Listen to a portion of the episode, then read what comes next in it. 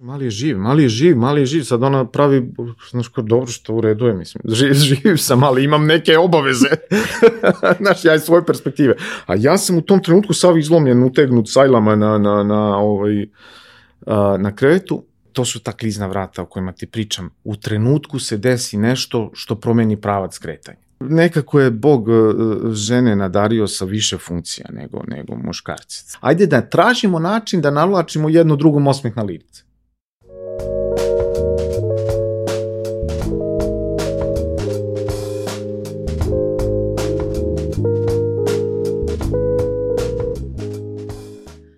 Upoznala sam ga kao finansijskog direktora jedne IT firme, a onda sam saznala da je odrastao u Topoli i da je kao tinejdžer preživeo dve kliničke smrti. Vladimir Blagović je kao dečak maštao da će igrajući futbal proputovati svet, međutim to je uspeo kao pesnik. Mnogi njegove strasti slile su se kada je sa 40 godina počeo da organizuje Just Out, najveći viteški festival u Evropi, a mnogi svoje misli sada je pretače u kratke priče koje njegovom sinu treba da služe kao putokas u životu. U duhu slogana Grand Cafe hajde da imamo vremena. Ovim razgovorom želim da vas postaknem da stvarno odete na kafu, kako glasi naziv jedne od Vladimirovih zbirki pesama, jer tada možete da čujete priču jednu od ovakvih koja sledi. Zdravo, Vlad, dobrodošao. Bolje vas našao. Tek Ko, naš. ko si u suštini ti? Pa, Hoćemo nešto u stihu ili? Ne, ne, ne, ne. Uh, ja bih volio da ti kažem da sam ja autostoperski vodič kroz galaksiju, lično. To bi voleo da kažem. Hodajući auto. Da, da, hodajući autostoperski vodič. I sad, ovaj, i onda ko mi se nakači, jel da, na, na, na moje vozilo, na moju mašinu, onda on putuje sa mnom kroz galaksiju. To mi je nekako, od kad sam pročitao tu knjigu kao student pre, ne znam, 20 kusur godina, uh, uvek mi je bila nekako light motiv, ono, volim tu vrstu ovaj, satire i doživljaja sveta generalno, mislim, bilo da je na mikronivou, bilo da je na makronivou, ali mi se to mnogo dopalo. I onda, zato bi volao da kažem da sam to, ali ovaj, ali ako se spustim na zemlju, onda recimo da kažem da sam pesnik. To bi stavio kao prvi izbor, zato što um, na kraju krajeva pod imenom i prezimenom na, na mom sajtu, jel da, vladimirblagović.com, se nalazi upravo taj pesnik i te knjige koje sam izdavao do sada.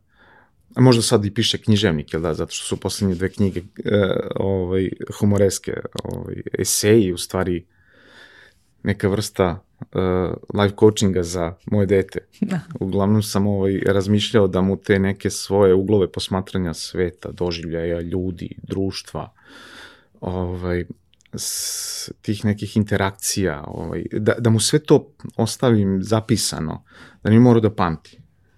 Jer uh, u vremenu u kom sam ja odrastao, 80-ih godina, mislim, a, a 75 sam, jel da, pa sad gledam taj period sećanja, jel da, ono, kao do, do puberteta, uh, to što je meni moj otac govorio, uh, ostalo je u sećanju kao naracija, jel da, uh, i prosto kopam iz sećanja te, te neke stvari, jer, znaš, kako u pubertetu, pogotovo kod dečaka, jel da, ono, ima period kada dečaci misle da im je Čale Superman, ono, to je negde do, do teenage perioda, ono, do 13. godine. Onda imaš taj period od 13. do 30. kad misliš da ti je Čale, ono, ne znam, neprijatelj broj jedan, jer je prosto zato što si brži, jači, bolji model od njega i prosto bi ga pobedio u svakoj trci. Da, Jel da? Tvoj sin je prešao 13. Moj sin je uveliko prešao 13. I uh, baš... Šta sad misli o tebi, ako smeš da kažeš javno? Uh, pa s, Da si Jugo 92. ili Ma, ne. naspram Porschea? Ili... Da, da, da, da, da. Pa ne, ne, ne, znaš kako to... Porsche. Uh, prođe muškarac krizu u nekog doba, uh, ja, ja generalno, subjektivno, naravno, mislim na osnovu sveg svog životnog iskustva i ono što sam pročitao, a pročitao sam dosta jer mi je to uh, nekako bilo, psihologija i filozofija su mi puno značile u životu.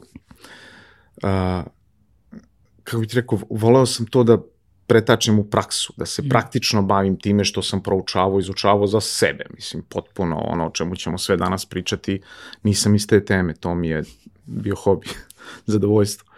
Ovaj, um, volao sam to da pretačem u praksu da bih bolje razumeo ljude. Uh, što se muške populacije tiče na ovoj planeti, generalno mislim da su uh, tanja roba od ove ženske populacije, mislim, prosto...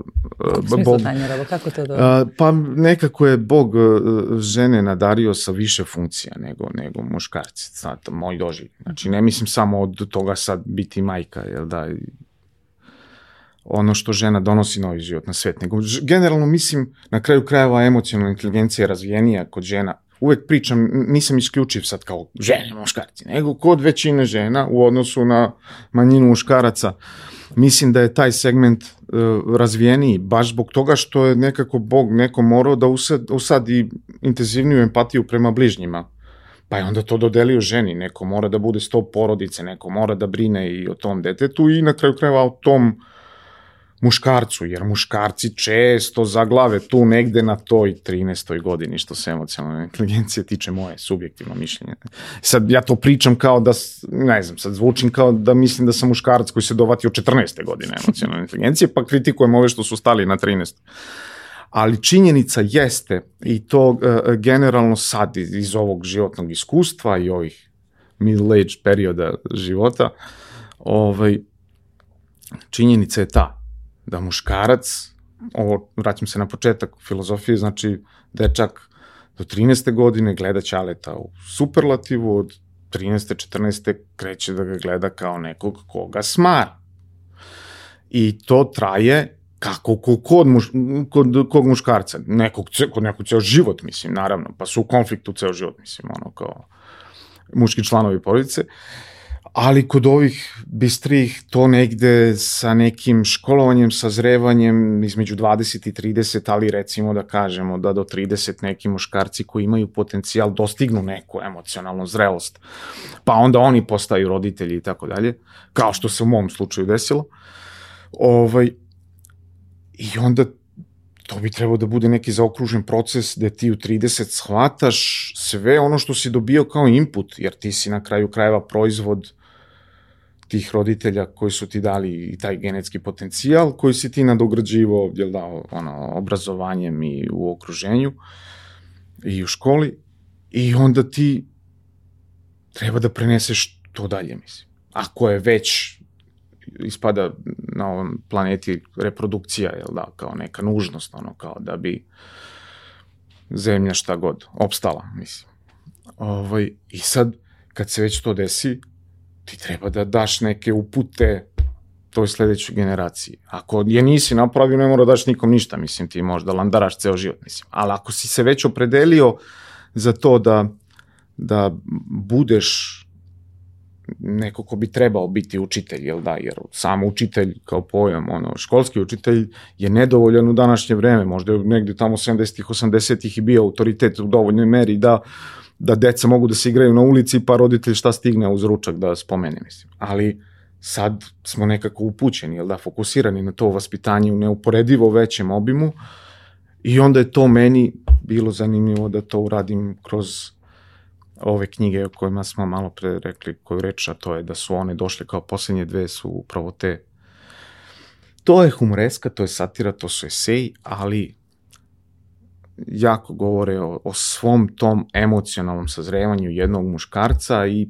transferu tog sazrevanja kao ovom sledećem da bi mogao i on da prođe nekako lakše. I sad ja recimo ovom sinu kažem, vidi da ti kažem sad, ako, ako kažemo da sam ja u 30.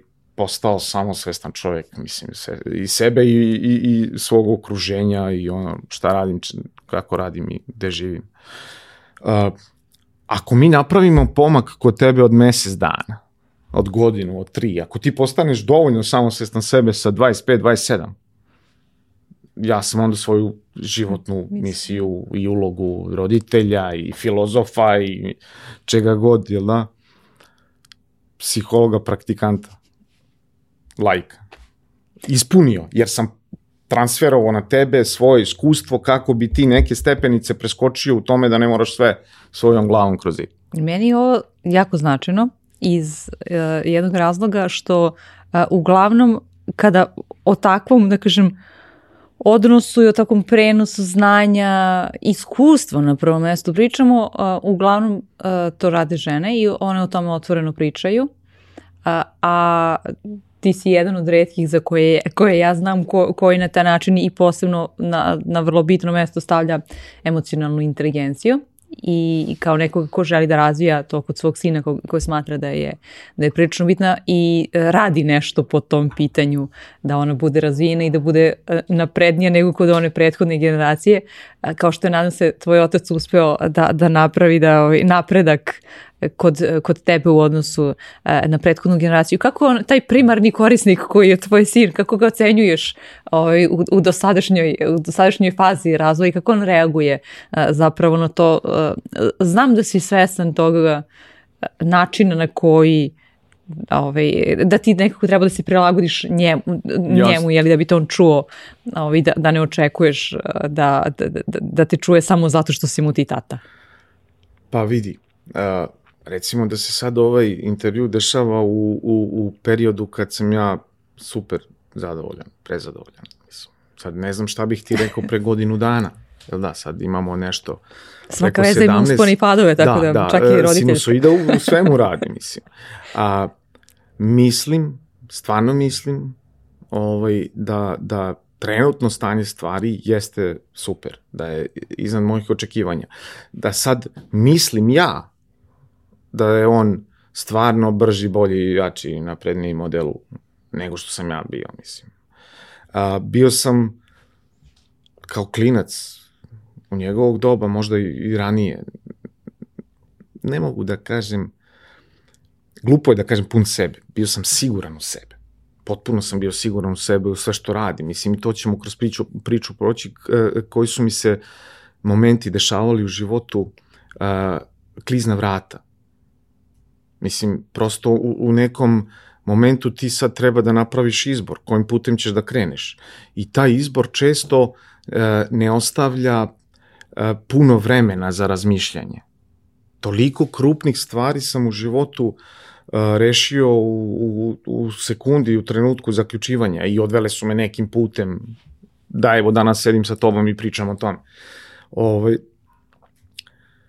nekako uh, koliko god da sam sam u sebe bio siguran. Toliko mi je drago sad što stižemo do toga da počinjem ja da bivam siguran u njega, da kakve god da izbore pravi, da znam da će ih praviti tako što će koristiti sav svoj potencijal u razmišljanju. Znači da će da, da kako bi ti rekao, da, da um, kako ljudi danas razmišljaju generalno brzinom Instagrama ili čega god. Ono, brzinom to, TikToka mislim, zapravo. TikToka. Današnja mladi s brzinom TikToka. Ali šta je suština? Ok, e, šta, šta ja pokušavam u, u tom našem odnosu da napravim? Ok, ti dobiješ par slajdova, par informacija, kako god, promptno, brzo, sve na, na penal i u par sekundi. Ali kako rasuđuješ o tome?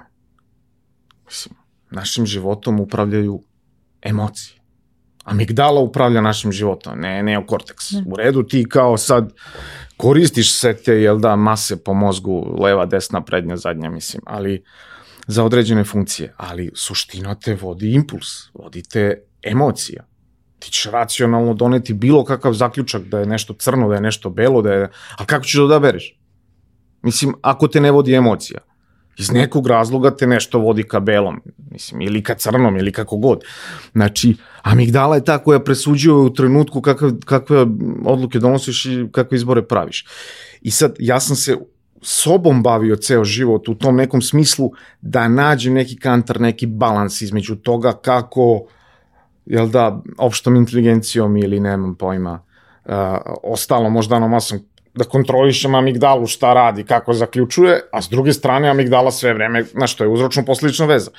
I sad, to je to što ja hoću da, ja želim to, da, da prosto uh, uh, sve to što mogu u tom ispitivanju kod sebe samog prenesem na njega, da bi on na kraju krajeva, slušajući moje iskustvo i, i, i to kako se meni život odvijao, odvijao na generalnom planu, opšte zadovoljstvo je, jel da, mislim, sve kad pogledam, znaš ono ljudi kažu sad ne bi ništa menjao, ne bi, ma ne znam da li bi menjao, da ne bi menjao, mislim.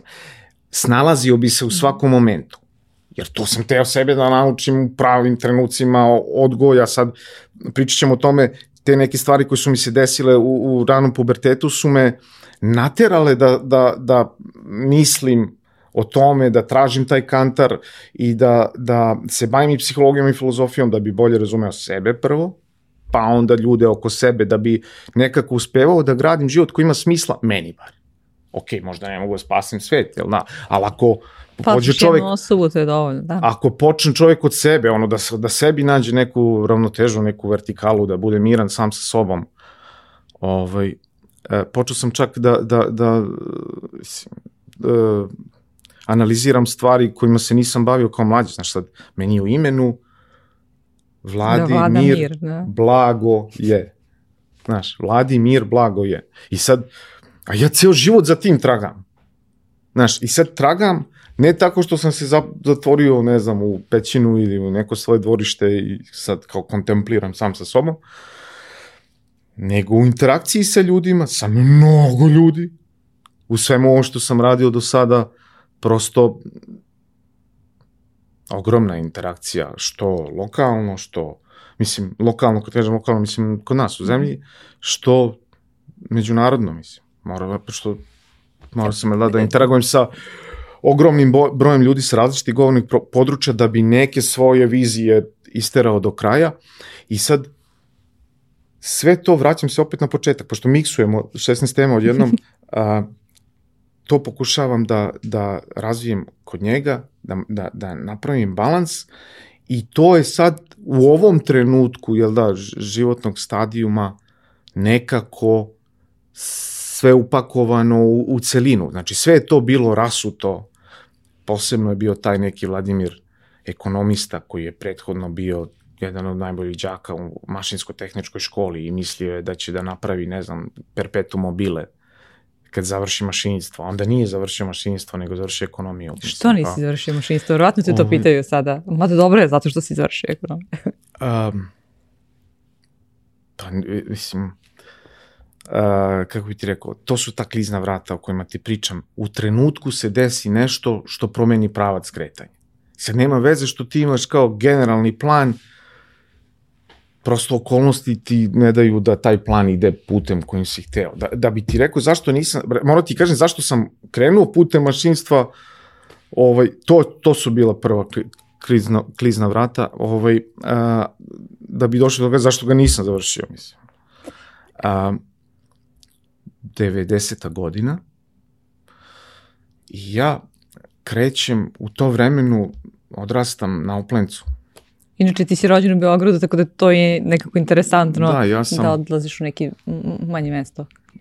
Da. Kako bi se, razmišljao sam kao, ne znam, mama mi je Beograđanka, tata je šumadinac, jel da, ono, momak iz Topole.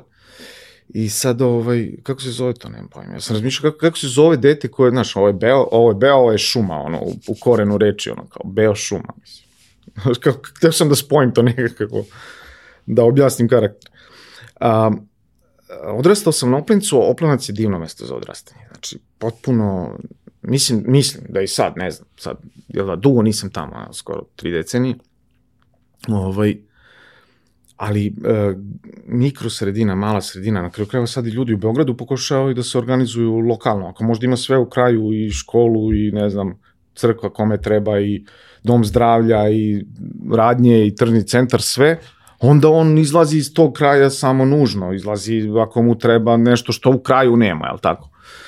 Tako da, uh, uh, hoću ti kažem, čak, čak i, i ljudi u današnje vreme u Beogradu, da ne bi gubili 3 do 4 sata kako većina nas gubi ovaj, u saobraćaju, onda shvatiš da ti dan nije 24 sata nego 20, onda ljudi ovaj pribegavaju lokalnom organizovanju. Zato su te manje manje mesta ovaj neuporedivo zgodnija za odgoj i u svakom smislu. Sad i ovo o čemu pričamo, o emocionalnoj, socijalnoj inteligenciji, jer ti uh, pravim sad tu paralelu, a vratit ću se na ovo mašinstvo, nego prosto vuče tem.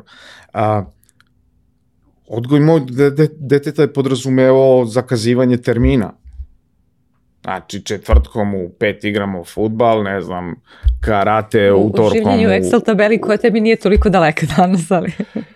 koja me ne zanima, konzumiram ja, ne zanima jer ne želim da živim u Excel tabeli. Ovaj, I onda a, praviš tu sad paralelu, ok, nisu ista vremena svakako, naravno, ali u maloj sredini ti i dalje imaš taj potencijal da ti izađeš, jer kako na kraju krajeva sam se ja sad ovo čemu pričam, o čemu tvoja emisija generalno govori, jel da, tako o toj nekoj multipraktičnosti i, i, i potencijalizmu na različite teme. Ali u toj, u toj sredini, znaš, izađem iz kuće ako nas ima dvoje, igramo tenis ili basket, ako nas ima četvoro, znaš, već igramo basket, ako nas ima sigurno, ako nas ima deset, eto, futbala, mislim.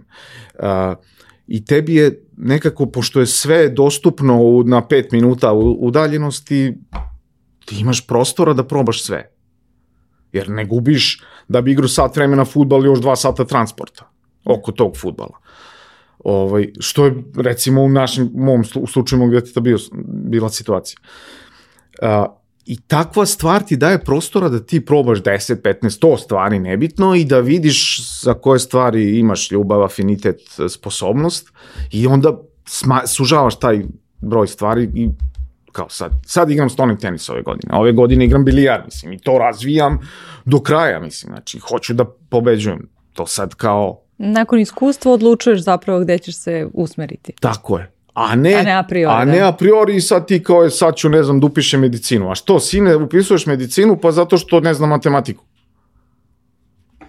I to ti je razlog što si upisao medicinu, a ne zato što voliš da držiš jetru u ruci i da je gnjaviš dok je premeštaš po trbuhu, mislim. Prosto, ovaj, nekako moć zaključivanja. Znači sad i to smo se dotakli malo pre. Sad, ti moraš da naučiš čoveka, sad ja imam, jel da, kome to da radim, pa kao, ok, imaš, brate, metod indukcije, znači, kreneš od pojedinačne stvari kao opšto i obrnuto, mislim, dedukcije od opšte kad pojedinačno. Cela poenta je da napraviš sliku. Počeli smo malo pro TikToku, kako čoveče ti, na, ti primiš informaciju od par sekundi i kako je obradiš ili je prihvataš zdravo za gotovo. Tuđe mišljenje, tuđu zabavu, tuđu, tuđ stav, kako god. Primio si, nije bitan TikTok, primio si sa vesti nekih, sa portala, sa ovog, sa onog. I šta? To je tvoj stav. Šta si ti uradio? Copy-paste kao. Znači, iskopirao si iz, sa portala sebi u glavu tri rečenice i zauzeo si stav da su te tri rečenice tvoj stav. Ne, brate, pa ne mislim, ne može ta... Ok, ja razumem da tako radi, nemam pojma, ono, 50 ili 90% ljudi. Ali ja nisam to želeo za sebe, ta, ta, ta, takav izbor, pa ne želim ni za svoje dete takav izbor. Hoću da te naučim, nije bitno, zaključi pogrešno, ali se bavi procesom zaključivanja. Ne ono kao a priori prihvatam bilo čije, nije bitno stavu drugara. A odakle drugaru taj stav? Je li došao iz porodice? Jeste. Ajde da vidimo, vrate, čim je se porodica bavi pa da vidimo kako su ljudi koji su detetu importovali stavu u glavu došli do tog zaključka. Da li oni znaju da se pozabave procesom razmišljanja ili su oni primili spoljni uticaj bez razmišljanja, preneli na svoje dete, dete prenelo na tebe, ti si došao kući sa stavom koji je, ne, ne znam šta mislim, izdeformisan potpuno zato što je neobrađen. Zato što nije ni polufabrikat, nego je fabrikat koji tek treba da se obrađuje. Pa ok, ajde da naučimo kako se to radi. Pa kad prođeš ceo proces, ti kažeš čekaj bre čoče, nek ovo ostane u, izvornoj, u izvornom obliku. Ali se ti razmislio o tome. Prošao si, jel da? Sve modifikacije tog stava, zaokružio si mišljenje, razmislio si i sviđa ti se ono početno. U redu poštujem. Ali ako si umeđu vremenu video koliko tu de delanja ima, jel da, ono, drletom da bi se došlo do, do, do nekog smislenog ono, zaključka na temu, ajde onda da vidimo sad, razumem, 21. vek, 2022. godina je, nemaš vremena da o svemu razmišljaš sat vremena. Jer je ovo izračeno u 5 sekundi. U redu. Ajde da vidimo kako ćemo mi da stignemo do tog ubrzanja, da tebi amigdala donosi brzi zaključak na osnovu toga što je videla to je dobro ili loše. Pa ako je dobro, doćemo do još jednog nivoa obrade, ali ako je loše, odbaci ga odmah, nemoj da ga konzumiraš, nemoj pričaš o tome, nemoj da razmišljaš o tome, pusti ga prosto da prođe pored tebe. I kako to uspevaš sa, sa, sa momkom koji ima u ovom trenutku, nebitno sada, biće pa, kao da ga ogovaram. Ne, ne, ne, ne, pa ne znam da ustavili smo, više, kao. da, sve vreme pričamo o procesu, pričamo o sebi, pričamo o njemu, pričamo o, o dozrevanju, sad u ovom slučaju pričamo ja kao dečak i o, o dečaku, jel da, trenutno um, i nemam dovoljno iskustvo ovaj, u smislu, uh, osim posmatračkog odgoja, uh, ženskog deteta, mislim. Ali verujem, opet, da bi verovatno proces bio jako sličan. Osim što bi imali tu prednost, jer zbog ovog što smo rekli da su devojčice po meni, ne znam da se slažeš sa mnom, shvatio sam te malo slažeš, više empatične i imaju e, bolju e, e, emocionalnu inteligenciju, startnu poziciju, Pretpostavljam da je to nešto lakše jer i postoji ta uh, suprotnost polova, znaš, da devojčice su više naklonjene očevima nego dečaci. Ne, ne doživljavaju tatu da. kao neprijatelja ni u tom, uh, kako se zove, pubertetskom periodu, teenage periodu, pa pretpostavljam da bi to možda bilo čak i za nijansu lakše, bez obzira na sve spoljne okolnosti gde možda žensko dete moraš kao muškarac, moraš moraš ili ne moraš, ali treba da činiš to, da, da je zaštitiš nekako bolje i konfornije nego muško dete, mislim, baš zbog toga što je devojčica, pa je, ako ništa ono bazično, jel da, ne, fizički je, jel da, e, krkija od, od ako... muškarca, pa je ipak bolje, ja se bar tako osjećam nekako zaštitnički, e, ne, ne prema devojčici, nego prema supruzi, prema prošlom vremenu, prema majci, nekako ako sam već muškarac koji kod sebe razvijao to što nije na startu dobio u dovoljnoj meri, ovaj, na primer, pa ako smo se bavili kod mene razvojem emocionalne inteligencije, onda je koristi tako što ćeš pomoći bližnjem svome, mislim, a pogotovo pr na prvom mestu u ovom slabijem bližnjem svome, jel da, kao zaštiti prvo, na, prvo žene i dece, da, ono, kao zbroda, pa na kraju ovi muškarci koji kome jel, testosteroni ovaj, udaraju mozak na često pogrešan način. I sad, uh, pa se vraćamo na okruženje, ovo što pričamo sad, oplenac, super, divno, imao sam divno, bezbrižno detinstvo i to je recimo sve, znaš, ono, osnovna škola.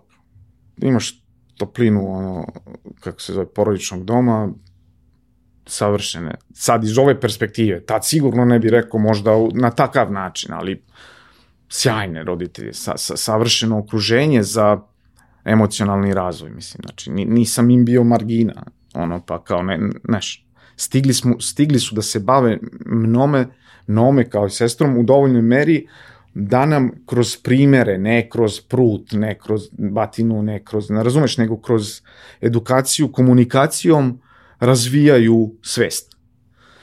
I meni je to bilo divno. I sad, sve se od, odvija, znaš ono, kad, šta ima ono, nema ništa klizi sve, I ide, dan, okay. ide dan po dan, mislim, ja. znaš, nema, ne, nema tu sad nekih preteranih talambusanja u životu, ali dolazi ta, taj kraj osnovne škole ali ti si se potrudio da... da to bude. da, da. Ja sam ovaj, uh, ne znam da li to ima neke veze, nisam sad nešto dubinski u, u, u tome, nego čisto kad analiziraš sebe, kapiram sad iz ove vreme, iz ovih mojih godina da, da, da taj horoskop na kraju krajeva ne, ima, ima nekog uh, osnovnog uh, smisla, u smislu da ti govori neku bazičnu stvar o tvom karakteru. Znaš, sad ja sam ovan, ja sam rođen 27. marta na tu čuvenu revoluciju, jel da? I ovaj, uh, bolje grob nego rob. I sad, uh, kako ti rekao, uh, mene pogoni taj ovan u meni sve vreme. Mislim da je uzročnik mnogih odluka koje sam doneo. Mislim da je opisuje me u tom nekom smislu uh, kako mi amigdala radi kad donosi zaključke, znaš. Uh, I sad to je trebalo kontrolisati.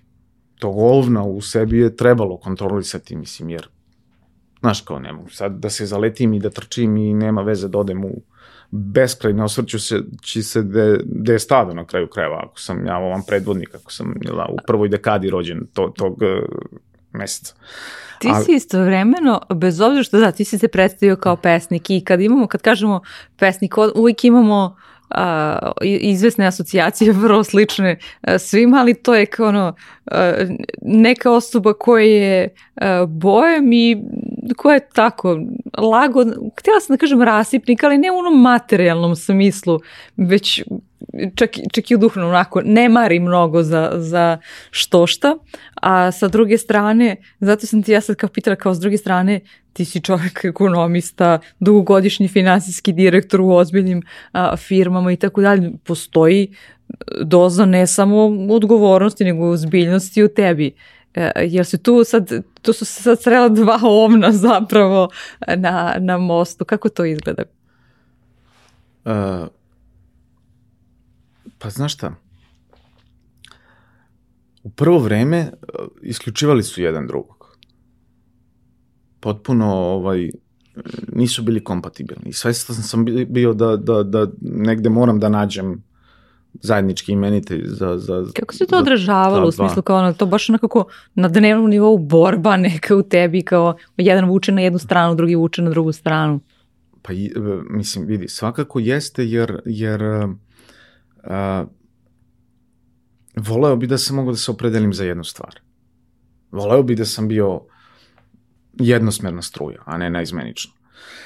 Znači si težio ka tom ili si nekako i pustio tu da, da samo Pa vidi, ja sam, vratit ću se na, na ovaj početak da bi došli do toga kako sam na kraju uspeo da, da, da uparim ta dva uh, lika koja su na kraju krajeva uh, najdominantnija, a nisu jedina. Jedina, dobro.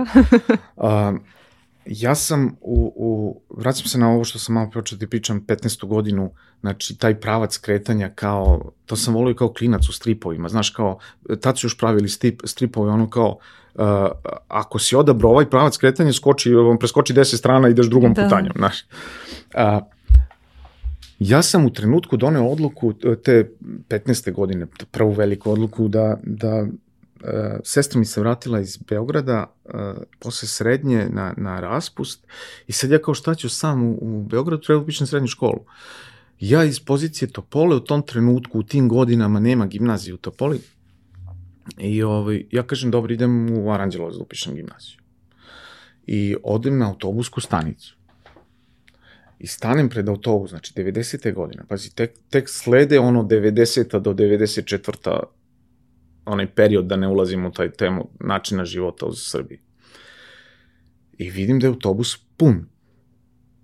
Ja sad hoću ili neću da stanem na zadnji onaj stepenik na kome će vrata da me udare po leđima 100 puta do Aranđelovca, dok, znaš, to nije dug put, to je, to je da. 15 minuta, 20. Znači, hoću kažem, toliko treba čoveku, meni je trebalo, kad sam bio student Skaraburme, da siđem do, do centra, da? Ovaj, do fakulteta.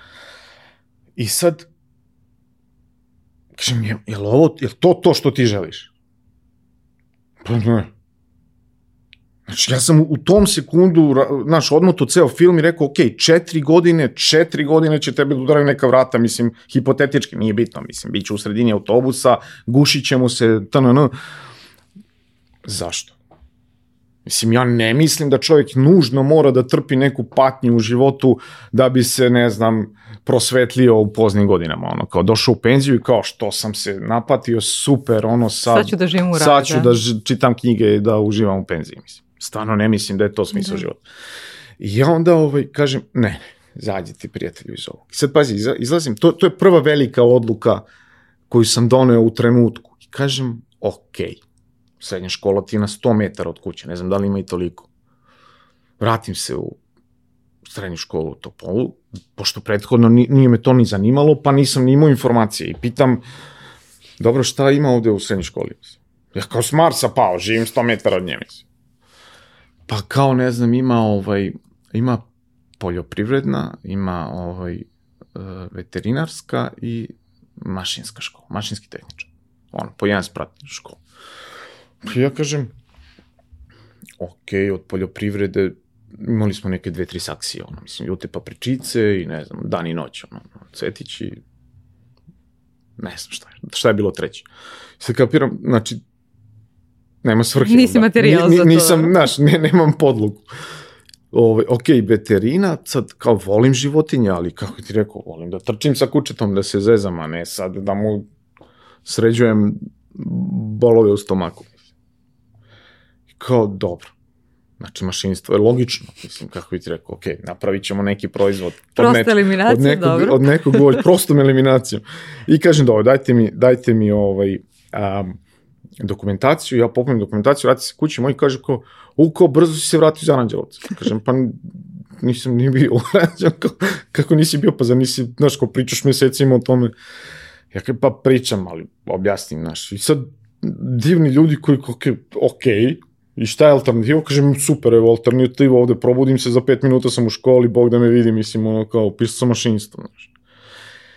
I sad nije to ne, ništa bilo, sad kao tražimo neki uzrok tome, ono, Čale bi inače radio u to vreme, u, mislim, u to vreme radio ceo život, ono, u, u zastavi, mislim. Dobro, kao, okej, okay, mašinstvo u redu. I sad, ja upisujem mašinstvo i šta? Upisujem, ne upisujem. Tu je drugi segment, znači to su neke te, te, te ključne tačke u mom životu koje su posle opredelile sve ove likove.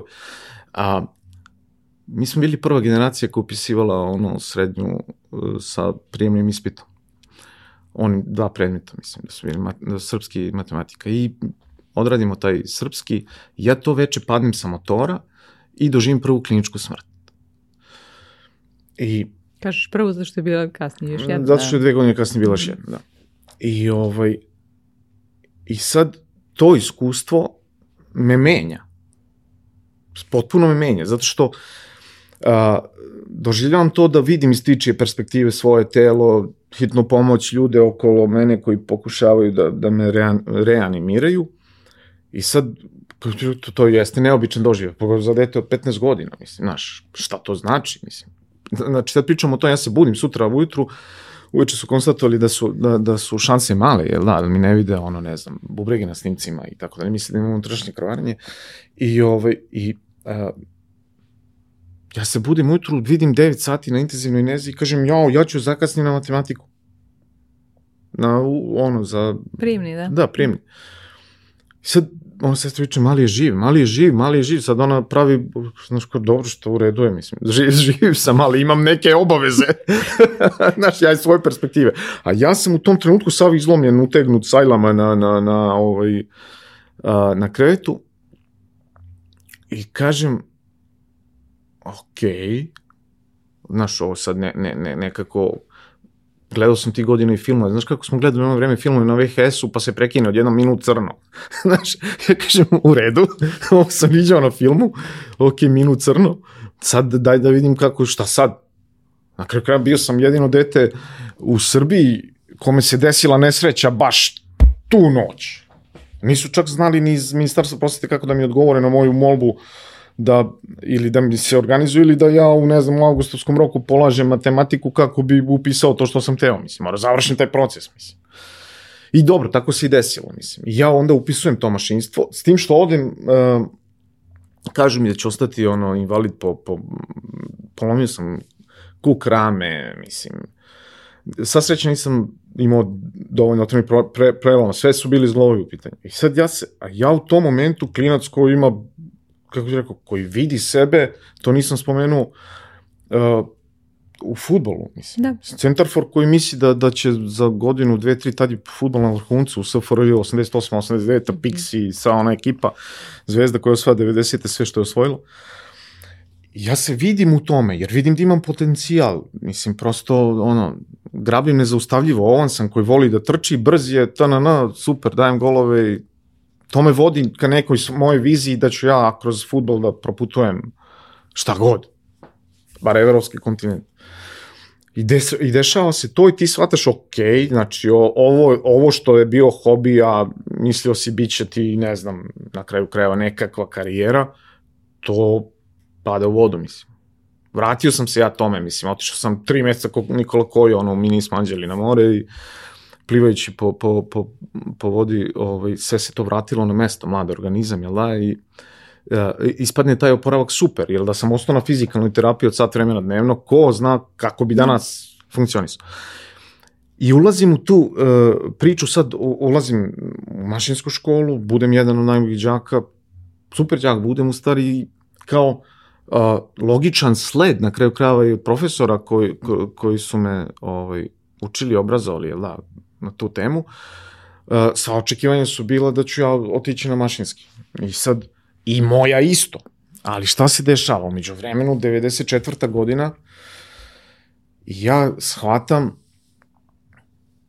počinjem da budem i svesno političko biće, jel da, ono, kao 93. glasam prvi put i shvatam da ja sad mogu da biram, pravim svoje izbore bez na, da se osvrćem na to šta misle ljudi oko mene, uključujući i moje roditelje. Ja kažem, meni se ne sviđa ovo, ja neću da živim u ovakvim okolnostima, ja neću da radim za 2, 3, 5 maraka ceo mesec, neću da tražim alternativu, neću da radim 100 poslova da bi nadomestio nemogućnost da se hranimo na kraju krajeva, ono, ništa posebno, samo da se hrani, da preživimo, mislim. I onda razmišljam tada da li me uopšte, kakvo mašinstvo, pa mašinstvo tad ruinirano totalno, mislim. Postoje neke privatne radionice, kako bi ti rekao, rade ljudi, zastava je već uveliko ono, u propasti. A, postoje a, privatne radionice koje obrađuju diskove za, za gradski saobraćaj u Beogradu da bi prosto ljudi mogli mar da koče, mislim, ono, kao, jesmo gladni, ali ne moramo da izginemo svi na ulici. I ja kažem, pa to ne želim, mislim. Mislim, to ne želim. A tad u tom momentu ti kao klinac od 18-19 vremena su teška, ekstremno teška, jel da, 94. ti kažeš, ali ja nemam sad vremena da 6, 5, 6, 7 godina trošim na mašinstvo da bi eventualno mašinstvo bilo moj izlaz negde u svet. Uvek je bilo priznato, mislim, kao da. i ETF i tako, mislim. I ja tad donosim odluku da ja neću da se bavim mašinstvom.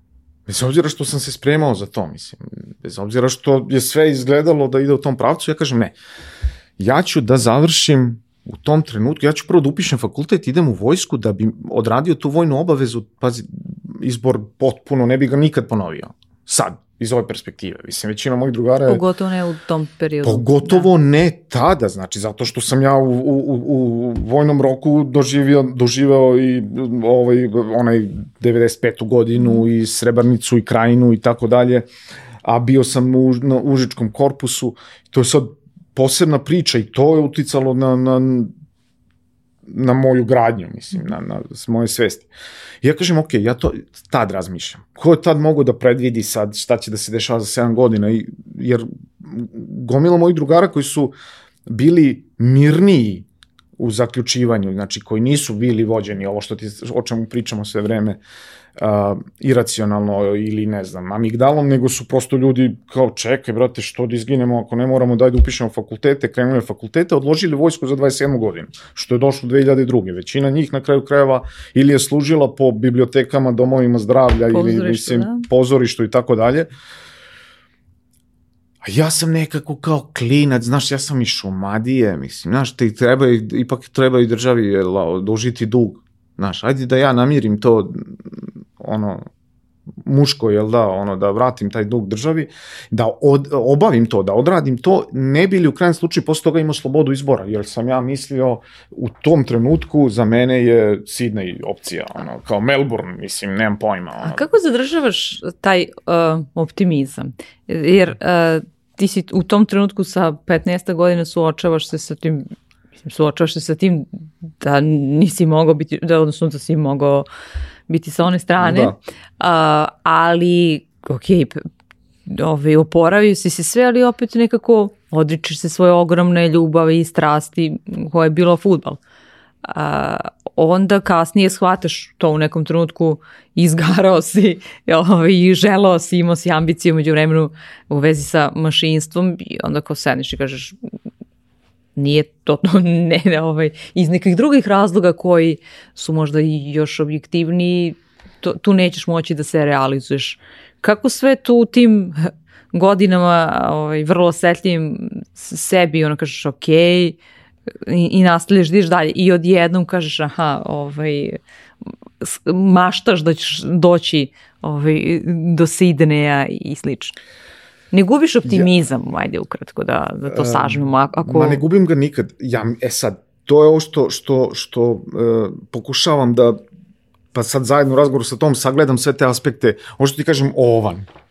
Znaš, ti staviš ovnu poziciju, na to brvno, on mora da prođe, on mora da sruši drugog na kraju krajeva ovna, ako ga ima s one strane da bi prošao dalje, mislim, nemaš opciju, mislim, opcija je da skočiš u vodu, mislim, se udaviš na, na kraju krajeva, jel da, mislim, hipotetički pričamo, jel da. A, ja prosto uh, sam shvatio i to je sad s jedne strane karakter, vaspitanje, ta toplina doma koja ti kao čekaj, ja znam da postoji toplina doma. I neću da me svest drugih ljudi, kakvi god, ne mislim sad ne bližnje, nego da. svest ljudi koji upravljaju zemljom ili čime god da upravljaju. Ja sam to jako lako prevazišao u svojoj glavi u smislu, čekaj, brate, ovi ljudi nema veze, bo, kako god, mislim, Bog, društvo, ovo, ono, kogod, da je nekom dao poziciju da uh, upravlja drugim ljudima, a, a neosnovano. Ili je osnovano, on je svakako se izborio među nekom ekipom, među sobom da za, zauzme poziciju broj 1, mislim, razumeš. Ali ti shvatiš da on ne zna da vozi čoveče. I sad on vozi, kako bi ti rekao, ne zna da šaltuje, mislim, ne zna ništa, mislim. I ti kažeš, zašto bi ja pratio ovu masu ludaka, mislim, prosto neću. Nego moram da se u svemu tome snalazim. Preuzmiš I kormilo, dobro. To, tako, sam ću da vozim. I nije bitno, jer uh, hiljadu puta sam razmišljao, znaš, ono, sedneš bio u kola, sede muškarci, izlaze iz kafana i sad kao, ne znam, dug put. A da se menjamo. A čekaj, što da se menjamo? Ja pijem najmanje. Zašto bi ja dao vola nekom ko, na, ba, banalizujem, neko ja. pije uh, više od mene? ok, ako treba da izginemo, neka bude upravljač u mojim rukama na kraju krajeva. Jer znam da sam u, u pripremnim radnjama do tog upravljača bio najracionalniji, najskromniji, najodgovorniji, naj ono. Zašto bi ja sad pustio da neko drugi stavi uh, i da moj život zavisi od njega. I sad, uh, uh, opet pokušam da, da, da zaokružim priču. Vraćam se i na ovo što mi se desilo. Tad mi se desilo da mi se oči, opet figurativno pričam, vrate na potiljak, jer ja gledam mm -hmm. iz mhm. tičije perspektive šta se meni desilo. I shvatam koliko je klizav teren, mislim, koliko je život u sekundi promenljiva kategorija, mislim, imaš ga ili ga nemaš. O tome čovek koji ne proživi takvo iskustvo ne percipira, znaš, ljudi misle, ma ne misle o tome prosto, Pogotovo kako, o tome će da razmišlja u mhm. penziji, da li će da se sikira i da ima strah od uh, smrti ili letenja ili čega god, mislim, razumeš. Meni se desilo to da proklizam na pesku, mislim, da mi motor promeni pravac i da se polomim i da, mislim, kako bih rekao. I da u tom momentu, kad sam pričao posle ljudima gde je ko, pored koga stajao dok su mene posmatrali na raskrsnici, oni su, ljudi su mislili, uf, znaš ko je, prso ko zvečka, mislim, i glavom.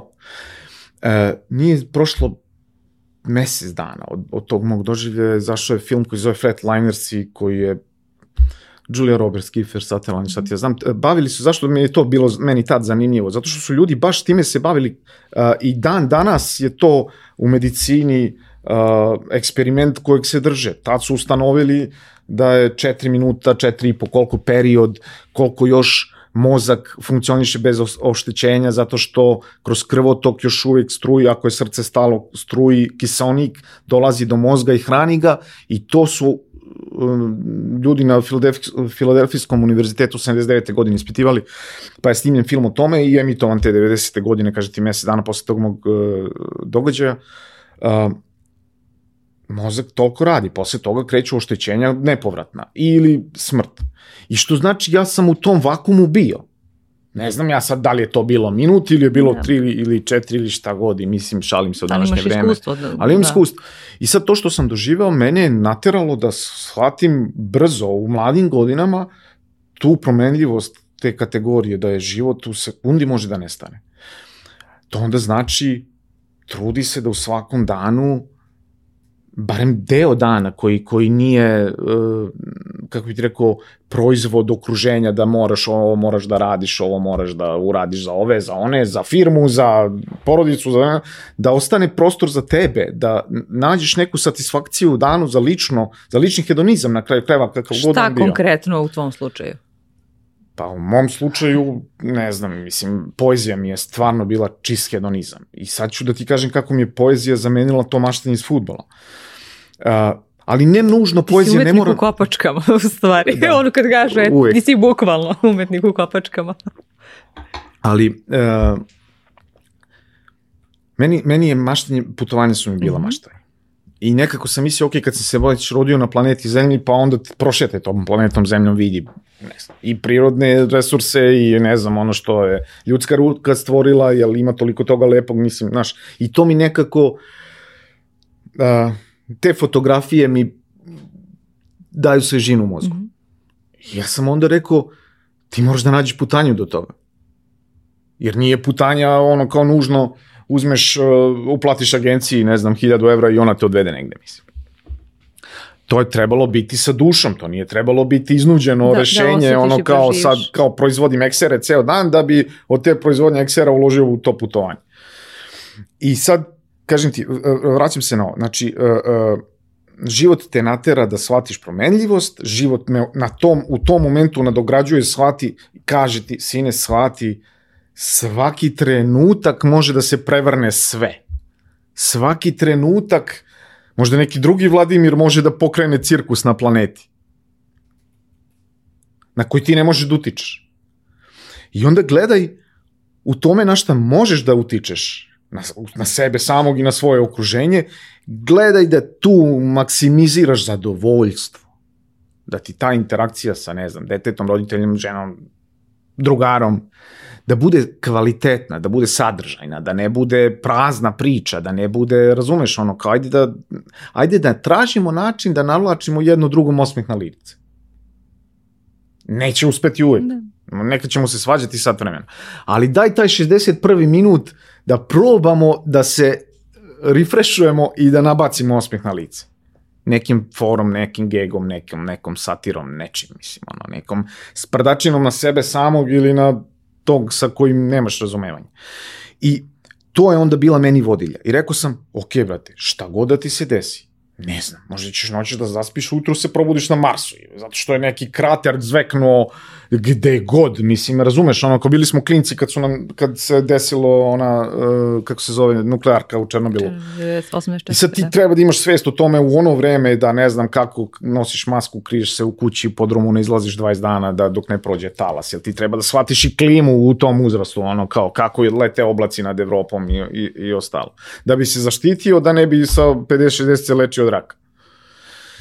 Znači, sve je u sekundi promenljivo. Daj ono što, što, na šta može da utičeš, ti probaj da kontrolišeš to, jel na kraju krava što si se gradio, što si se edukovao, što si razvio emocionalnu, socijalnu i opštu inteligenciju. Mislim. Što nisi stao na opštoj kao većina ljudi i kažeš, po dobro, mislim, razumeš, daj mi da se najedemo E, ćevapa ali i da kako se... da u tom trenutku uh, ti bilo ko, ovaj, ali ja, ispričam u tom slučaju, ne budeš žrtva svojih pukih strasti. Razumeš me što hoću da kažem? Samo kao ono, e, da ideš za tim već da imaš i, Širu sliku. i širu sliku. Pa, to je to što pričam. Tu širu sliku sam ja hteo, kažem ti, već, već pomeranje te slike na potiljak mi je dalo uh, meni obavezu da gledam širu sliku. To gledanje šire slike nisam hteo da zaustavim na tome, je desilo mi se neko Da. da. nebesko iskustvo, pa ću da gledam iz, iz te perspektive. Desilo mi se posle dve godine ponovo to nebesko iskustvo, pa sam prošao sve slajdove, udavio čovjek sa kolima 100 na sat i bacio na neku ogradu metalnu, ono, da, da, mislim, kako ti rekao, prosuo sam se potpuno. I Kako sad, je bilo to, to drugo? Ajde da se zaustavimo samo ovde. Zanima me jer ti jednom to proživljavaš. I znaš da je bilo teško i znaš da na kraju dana je ispalo mnogo bolje nego što se i ti sami svi očekivali. Ali nekako je možda mnogo teže da ponovo prođeš taj proces. mm, ne, Kako je bilo u tom slučaju? u mom slučaju je bilo lakše.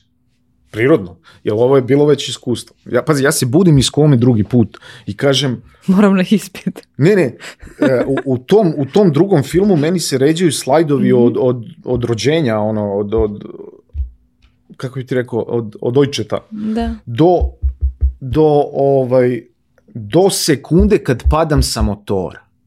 Znači, ovo se dešava dve godine kasnije. I moj film tu zapinje. Pričam ti dok Da. sam u komi. I film zapinje tu i kaže, ja sam nemoguće. Ovo je deja vu, ovo je ne, nemoguće, ovo, ovo sam već proživeo. Nemoguće drugi put.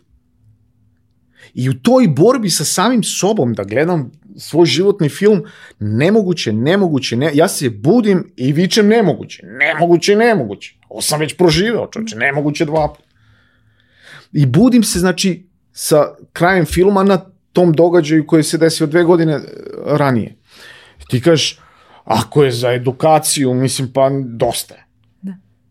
Jasno mi je, ne, ne, ne, ne, ne znam ja da li postoji, jel da, život s one strane, ali na kraju kravi to je medicinski objašnjeno prosto u tom intervalu 4-4,5 minuta dok ne dođe do nekih ozbiljnih oštećenja mozga, e, e, prosto mozak reprodukuje slike koje je do tada upamtio. I ti proživljavaš te slike.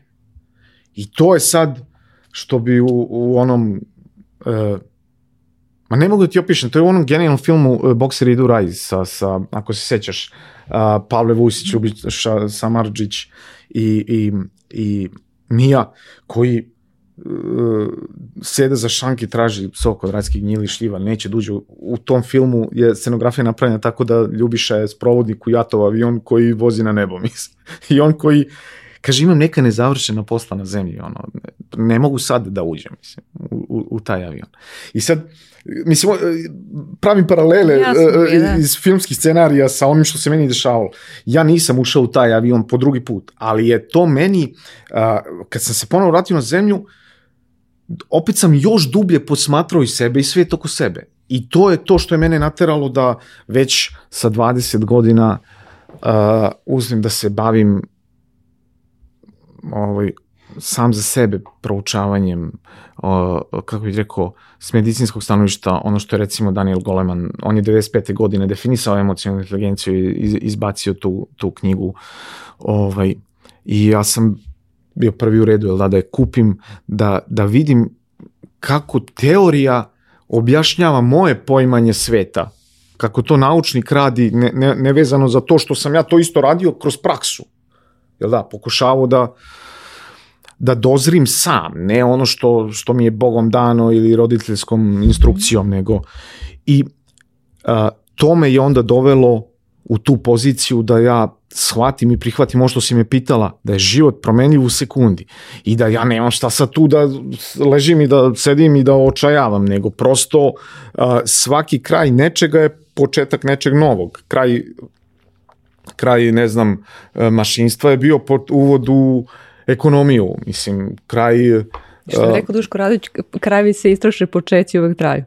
Da? Znaš, i onda sam ja shvatio da je život igrica u kojoj ti milion puta prolaziš kroz neke nove početke, ok, ono što ne moraš, mislim kako ti ne moraš 16 puta da se ženiš, mislim, ili da, znaš, probaš... To si prihvatio, da. to sam prihvatio, znaš, to, to, to sam težio i sad, kako bi ti rekao, to sam rano definisao, odmah posle srednje škole, dok smo upisivali sa fakultet, sam se upoznao sa suprugom, uh, opet amigdala koja je u sekundi rešila da je to to. Znaš, kao to, na, na prvi pogled.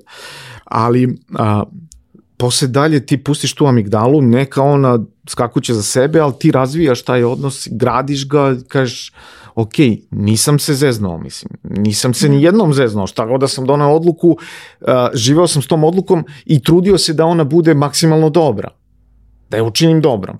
Znaš, nisam sad kao, uh, završio sam ekonomiju, e, a što nisam mikrobiolog? Da, da patiš za što nemaš. Nikad to nisam radio, znaš, što ne vozim Porschea, nego vozim, znaš, pa ako mi treba da dođe do toga, doći će, ako ne treba da dođe do toga, ne treba očajavati, uživaj u onom što imaš.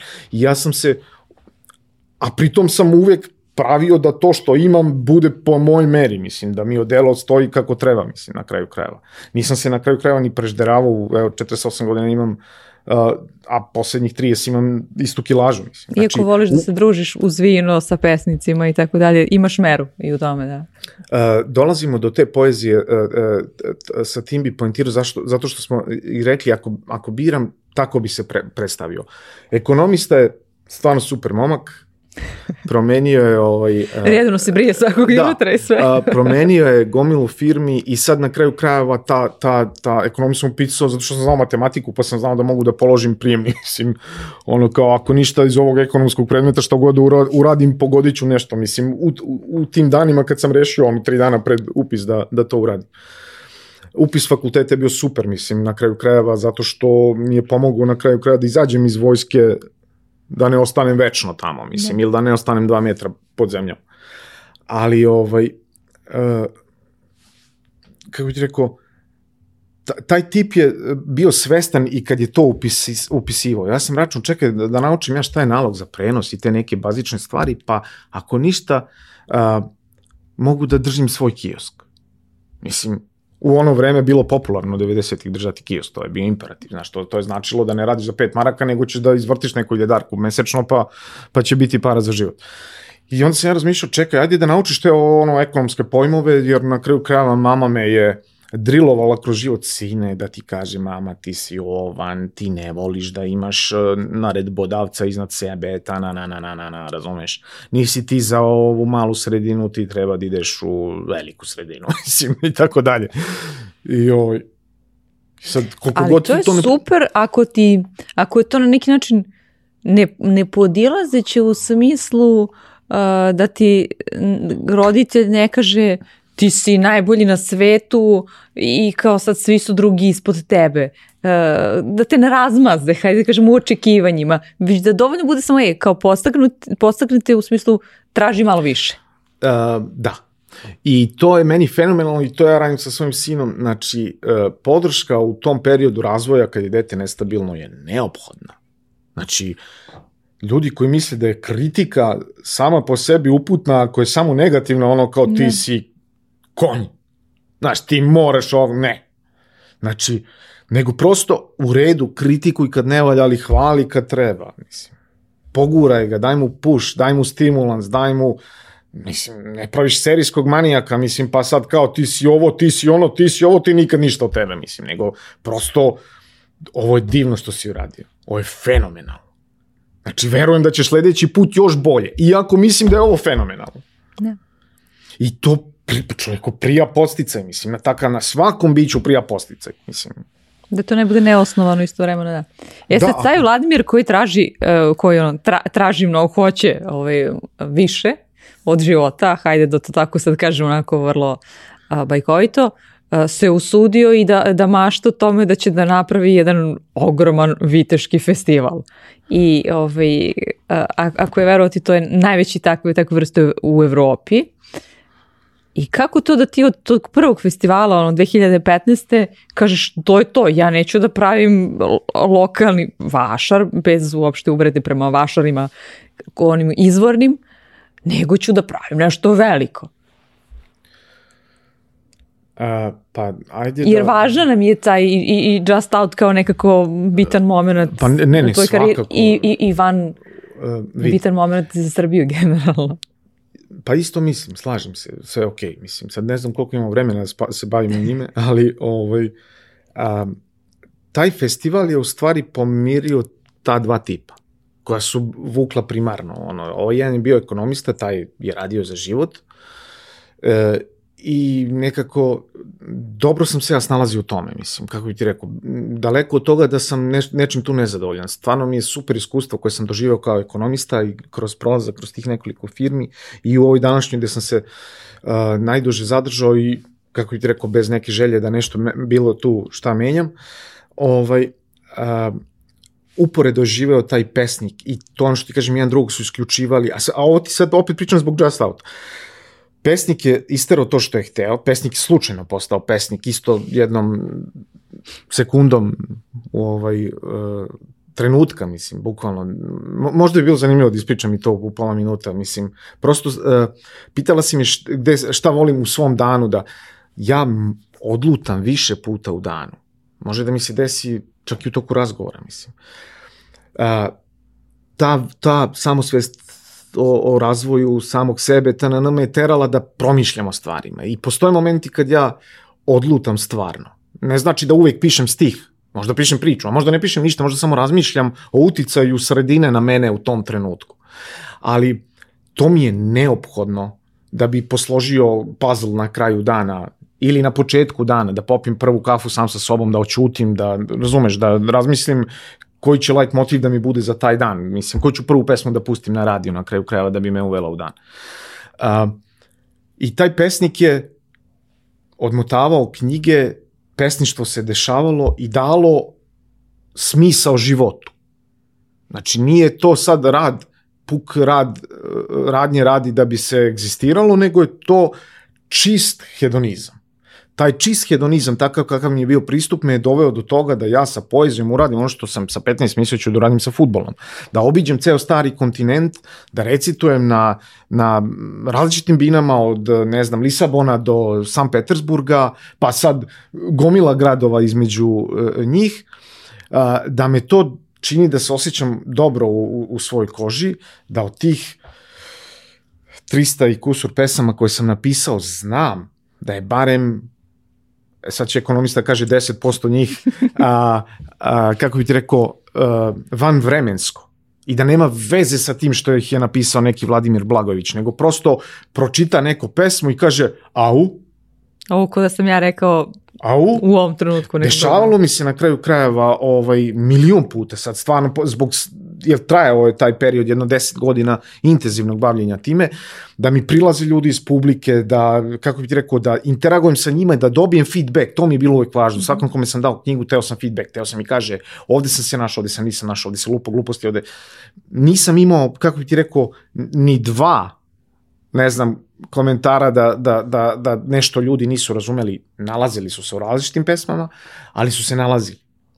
Nalazili su svoje životno iskustva u tim pesmama. Nije bitno o čemu se radi, mislim. Ja sam do, donekle na početku samo pisao na sve teme, posle sam se fokusirao na muško-ženski odnos. Uh, I to je dalo, to je Vladimiru dalo krila.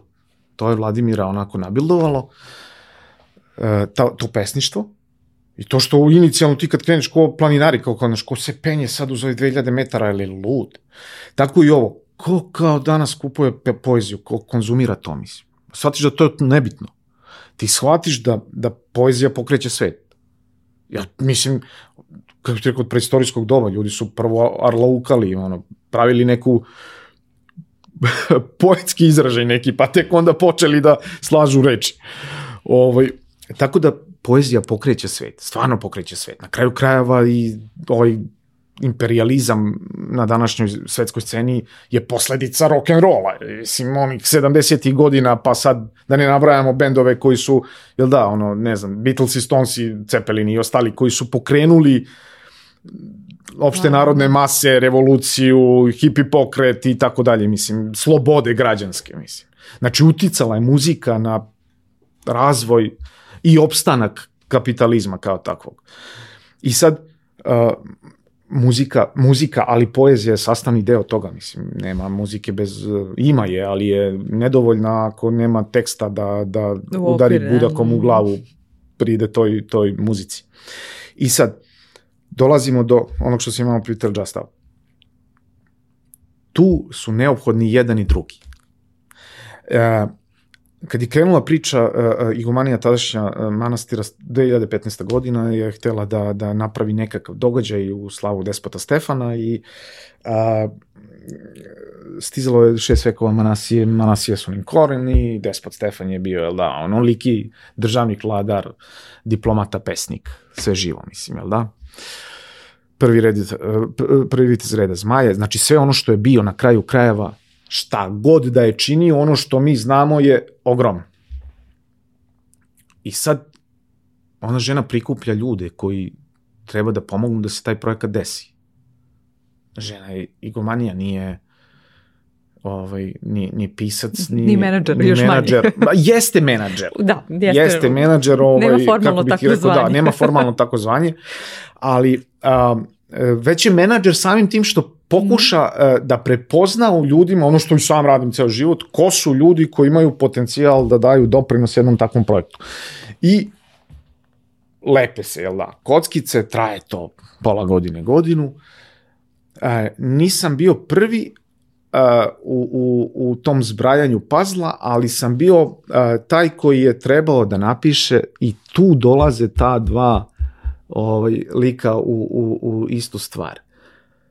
Pošto je prirodno, bez obzira što su institucije podržale projekat uh, u, u to vreme, mislim, od predsjedništva pa ministarstva uh, turizma i tako dalje, u današnje vreme i kulture, uh, neko je trebao da napiše projekat narativno, da ga izmašta i da ga sračuna koliko god minimizirali troškove i radili na ruk i na drugarstvo i na ovo je ono o čemu smo pričali pre emisije da to ni, Manasija nije moja dedovina nego je naša dedovina ono kao pa to naša dedovina dok preneseš na ljude i objasniš bilo je dosta ljudi koji su shvatili da je naša i uključilo se u to naravno više stotina ljudi i ovaj i uzeli smo da se bavimo promocijom Manasije i sad tu dolazi tu su se njih dvojica sreli zdravo, zdravo, ja sam, ja sam, jel da, ja sam pesnik, ja sam ekonomista, ajde sad možemo li mi da ovaj, napišemo taj projekat i da izračunamo taj projekat,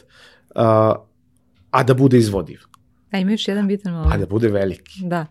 I da, ovaj, da, taj, da taj svet o kome maštaš, da putuješ i tako dalje, u stvari dođe u Srbiju, jer I to je posebno nekako značaj uh, svega toga, onako, ako, ovaj, to je šlag na torti između ostalog, yes. zato što ljudi širom Evrope čak dolaze. Ovaj, Spomenuo sam u početku ra razgovora da nisam teo da budem jednosmena struja. Mm. Znaš, uh, dešavalo se i u književnosti sve vreme, mislim, i kao član UKSA, ok, mi smo putovali, opet mala prednost, ja sam, u, meni je to smešno u mojim, u mojim godinama sada, kako ti rekao, možda ne izgledam tako koliko godina imam, ali um, um, kako bih ti rekao, bio sam petlić pionir u Uksu, pre recimo deceniju. Znaš, sa 40 godina ti si kategorija petlića. Detlića. Tek si ušao tu. Treba i tada da osjetiš kako je biti početnik u nečemu. Ne, ne, ne, ne, to nije sporno. Nego šta hoću ti kažem. Ali ipak sam ja tu sad, jel da, čovek na kraju krajeva sa strancima, pričamo o komunikaciji sa strancima, koji već kroz književnost interaguje sa strancima, jer putuje po Evropi, uvežbava taj svoj engleski jezik u praksi. Uh, šta je meni bilo, uh, zbog čega sam presrećan? Uh, ja sam sebe uspeo da, da kažem, prodam. Da, kao, jel da? Jer ja mislim da je čovek ono što prodaje od sebe, ono, kako bi ti rekao... Ja volim da kažem da zagreješ druge za svoje ideje. To je kulturni izraz, naravno. Ali kad ga banalizuješ, ti u stvari ceo život, nije bitno da li prodaješ kola ili šibice ili telefone ili ti prodaješ sebe. Je tako?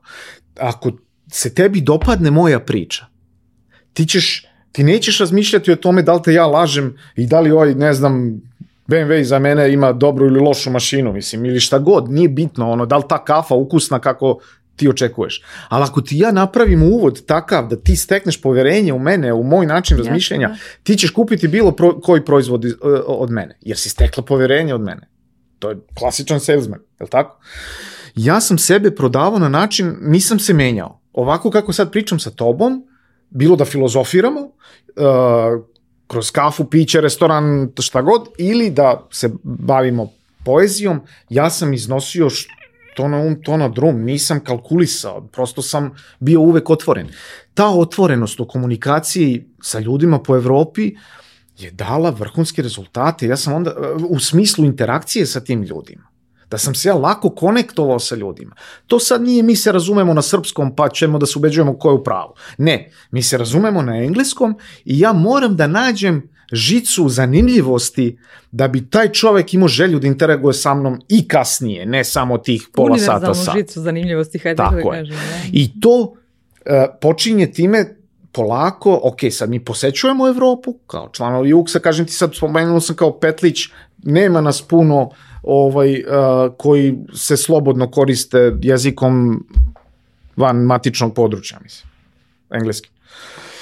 I ovaj, ili neće da se koriste. Ili znaš, nekad ljudi znaju, imaju strah, kako god. Ja sam sa svojim, na, u, u, u početcima Tarzana engleskim nisam imao strah da ga koristim, mislim, prosto, znaš, moraš kad si u takvom okruženju ljudi, mislim, i kad su tu ljudi iz uh, x, y zemalja sveta. I to je počelo da dovodi mi smo počeli, ja sa mojom ekipom ljudi, ekstra dragih ljudi, super prijatelja, znači divnih književnika sa kojima sam proputovo to i razvio odnos, jel da, delili smo i sobu i hranu i sve, znači divne ekskurzije. dolačimo ljude u, u, u Srbiju, na međunarodne susrete pisaca i tako dalje. I sad, to se takođe importuje u ono. Sad, o, takođe nisam ja sam u toj priči, mislim, tu je gomila ljudi, to su ljudi iz udruženja, ja sam napravio tad udruženje koje je skupilo ITFC i, i, i PR-ovce, jer sam ja proveo 20 godina u IT-u i PR-u, neizmenično, ono, recimo 10 godina u jednom, 12, pa isto toliko i u drugom. Ovaj, ja sam ljude iz tog svog sveta uzeo uh, uh, za ispomoć u, u svom udruženju da bi odradili promociju tog događaja. Znači, sad se vraćam na Just Out. S druge strane, nije bilo potrebno organski rasti, postojalo je udruženje uh, Belih Orlova, uh, postojalo, postoje mnogo udruženja, ali su oni, ovi bili najkonkretniji i uh, spremni na eksperiment i na najbrži mogući rast. I mi smo, uh, već su ljudi ostvarili interakcije po Evropi, onda smo krenuli da komuniciramo sa celom Evropom, udruženjima iz cele Evrope i da te ljude privlačimo od te 2015. godine. Meni je bilo zanimljivo, obzirom da sam prošao mnoštvo formata kroz književnost koji su brojali e, stotinu, 200, 300 učesnika i da ne znam e, u publici bude par stotina e, ljudi. Taj format mi je bio poznat. Ovde je svim ljudima koji su se okupili oko te ideje bila ideja da to bude veliko. Jer je moralo biti veliko 2018. godine za proslavu šest vekova Manasije. Uh, kad kažemo veliko, mislimo i na po 70-80 hiljada ljudi za Tako vikend je. praktično za nekoliko da, dana. To je da. recimo bio, da, to je bila mera ove godine, kad u, u, tamo u špicu 2018. i 19. godine preko 100.000 ljudi posetilo festival. Mi pričamo uh, ko je bio u Manasi. Manasi je jedna od uh, najlepših uh, kulturno-istorijskih baština Srbije. Mislim, potpuno je svetska stvar. I uh, to su videli svi ti stranci, kod nas je prošlo 35-40 zemalja gostujućih mm -hmm. kroz taj festival i svima je interakcija sa tim manastirom ista. Zaljube se ljudi u njega. Mislim, kako bih rekao, ja sam imao fotografije, e, imao sam kritike iz ljudi iz vremena PR-a kao šta ovde fali, samo Bilbo Baggins, mislim, zato što sad stižu tu i, a, kako bih rekao, i gosti iz Kine, ovaj, Shaolin monasi prve godine, e, zato što nam dolaze kaskaderi iz Irana, mislim. Uh, Meni je to bilo fenomenalno, multikulturalno, zato što uh, mi spajamo i vere i nacije i a sve ljubav, čovječ. Sve nepatvorena, čista ljubav, prijateljstvo, ljudi kroz isti hobi, kroz uh, sećanje na srednji vek.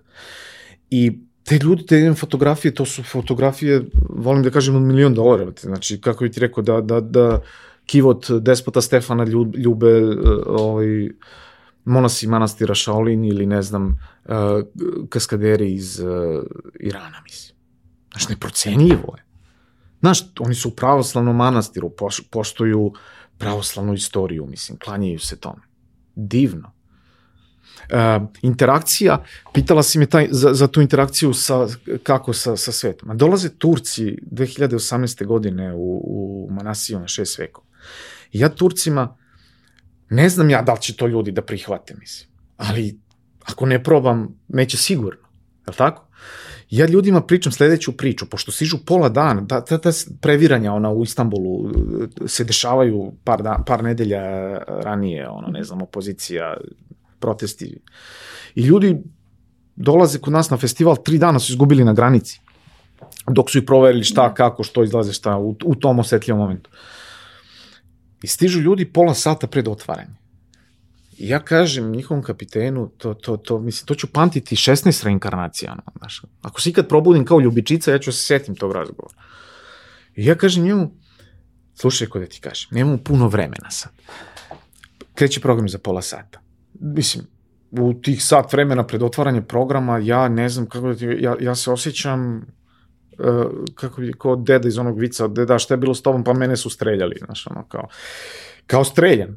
Stres, pritisak, da. komunikacija sa hiljadu ljudi, ja pokušavam nešto što nije racionalno, ja pokušavam sam da izigravam celu marketičku agenciju, zamenim deset ljudi, znaš, hoću da budem i copywriter koji sad napiše sve te tekstove, objavi, hoću da budem i prezentator koji trči po televizijama da najavi taj događaj, hoću da dođem, da, da, da otvorim na kraju krajeva taj festival, da napišem govor za, za, za otvaranje tog uh, festivala hoću da budem na liniji sa svima koji su Vipovci neophodni da bi se desio festival. Nije bitno čime su pomogli, da li time što su mi dali parče leba dok sam padao u nesvest pre podne, mislim, razumeš, ili znači da ispoštujem sve te ljude i uh, sam sebi bre nabijam pritisak na ne znam nija koliko hiljada milibara, mislim.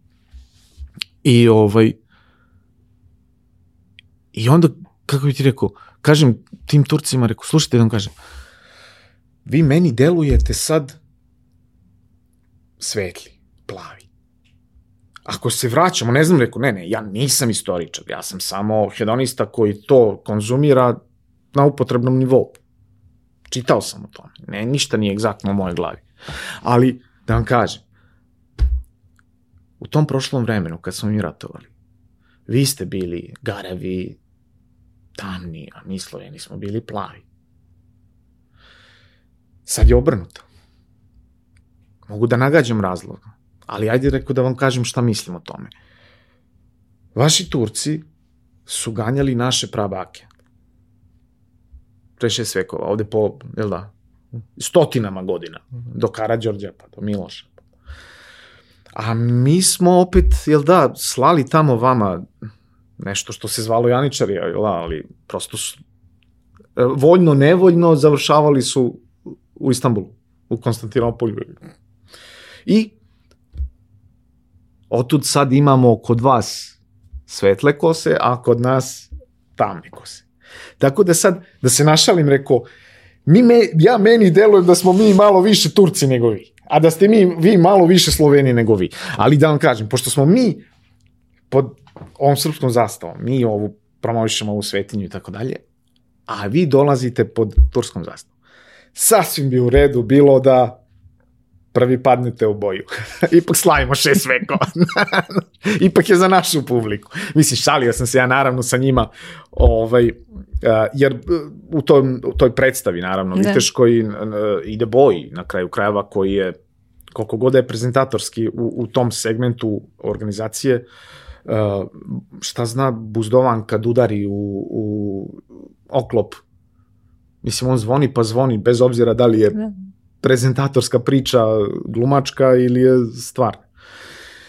I, ovaj, I oni su nas ljudi kako god, da li shvatili šalu, da li je to bilo zbilja stvarno ili kako god, ali a, na, naš čovek je ostao poslednji na zemlji, pošto je to suština tog boja, mislim, mhm. pobednik je onaj koji ostane, kome iz ekipe jedan ostane na nogama. I mi na taj način obeležimo šest vekova. I to tada vidi sto i nešto hiljada ljudi, mislim, ono, u tri dana taj spektakl. Meni je posebna bila čast, izazov, da što sam deo te priče, što sam okružen takvim ljudima koji vole svoju istoriju. Direktor tog festivala, mislim, ali to je sad kao titularno potvrda pa, svega toga. Da, da. man dobro vidi, da, to, kako, to, to su nebitne stvari. Mislim, ja, ja, ja lepše mi kad imam ovan, znaš, kao ovaj, ovaj stav, prvi je ured. Uh, Da, treba svakako. Ja, ja mislim, znaš kao, ja mislim da uvek u, u, u toj nekoj organizaciji, u toj, kako god ta piramida nekako zavisi od ovog na vrhu, jer spram odluka tog, tog čoveka se dešava gomila drugih stvari, mislim, smisleno ili besmisleno, mislim, kako bi ti rekao. Taj leadership, ako, ako čovjek ima nekog uh, talenta, ako ima karme, ako, razumeš ono, kao ako ima šarma, on može da izgura bilo koji projekat. Meni to jeste bio izazov. Jeste mi to bio stres, jeste to kao da me tsunami zveknuo. Ono, kad, hoću kažem, e, ljudima koji posmatraju to, oni uglavnom na kraju krajeva po onom što imamo reakcije i medija, jer u, u toj 17. i 18. godini to je, kako ti rekao, to je, to je bila kometa u kontrasmeru, jer mi jesmo to radili iz srca. Ali ako ne veruješ u nešto da će se desi, neće se, mislim, Znaš, ko čuda veruje, čuda mu se dešavaju, mislim. I ceo svet je pisao o tome. S tim moje zadovoljstvo kad ja u ponedeljak sednem i gledam sad kao New York Times piše o događaju, znaš, dokle New York Times pisao o slobodnim postupcima, nije pisao o lepim stvarima u Srbiji.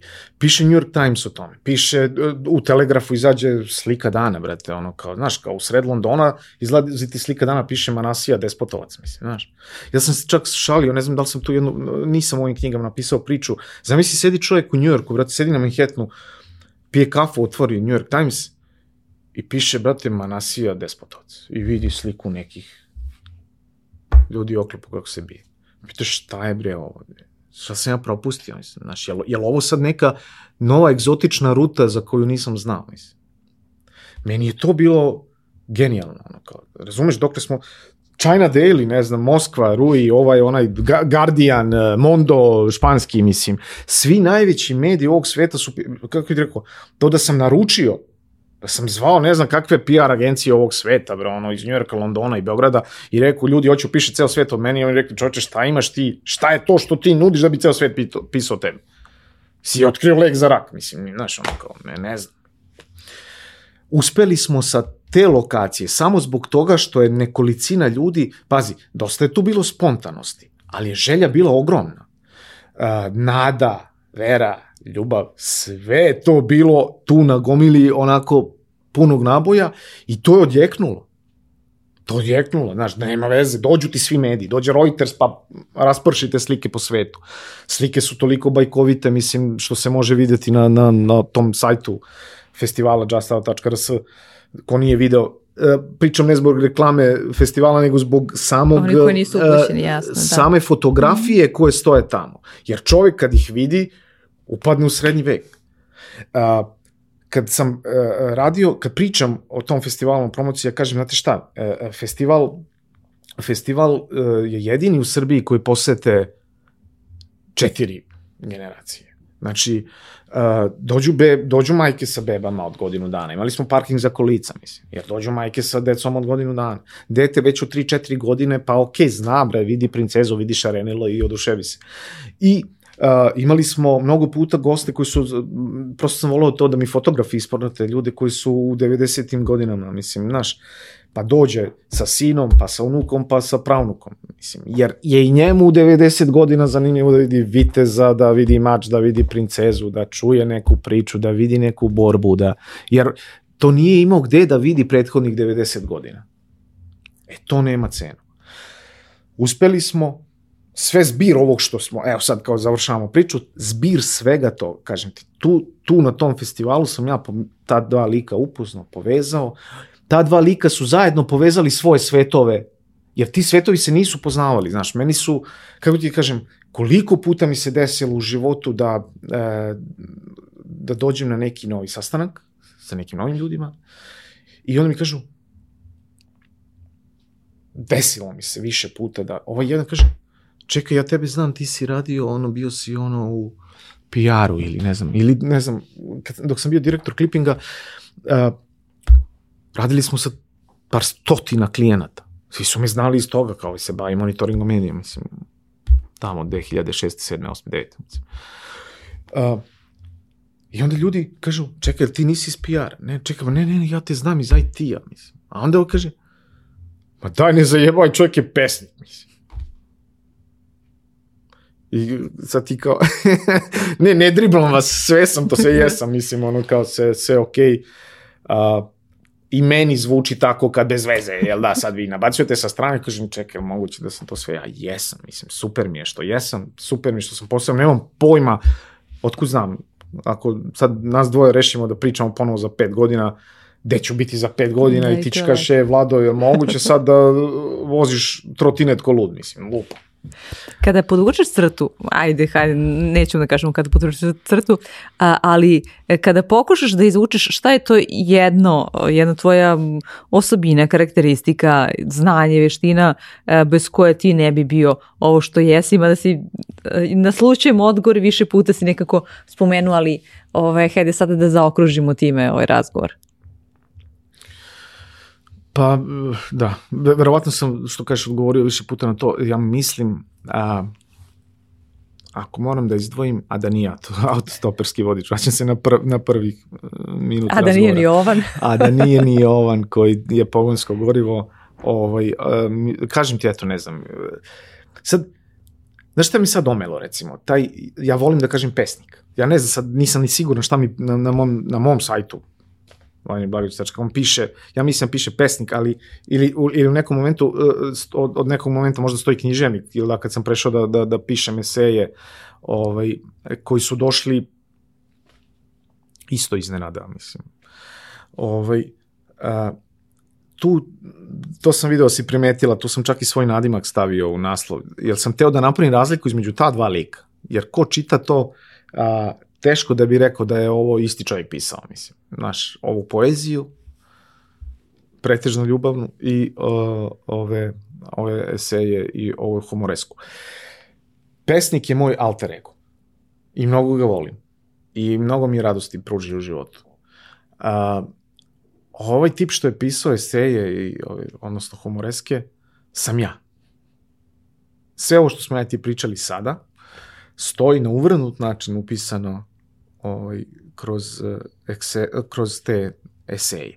I zato sam na te eseje čak stavio i taj svoj nadimak koji e, nije samo moj, nasledio sam ga od, od oca, ovaj, jer je on u stvari, to sam kasnije pitao, imali smo istu učiteljicu sa 40 godina razlike. Vjerojatno imala 20 i neku kad je njemu predavala, ne, sa 30 godina razlike. I, i, i bila je... Pred penziju ovaj, da, skoro pred penziju kad, kad, je, kad je meni. I onda je rekla kao, tek smo krenuli u školu, mislim, i ona je kao, ajde ti mali šiljo na, na, na tablu, mislim.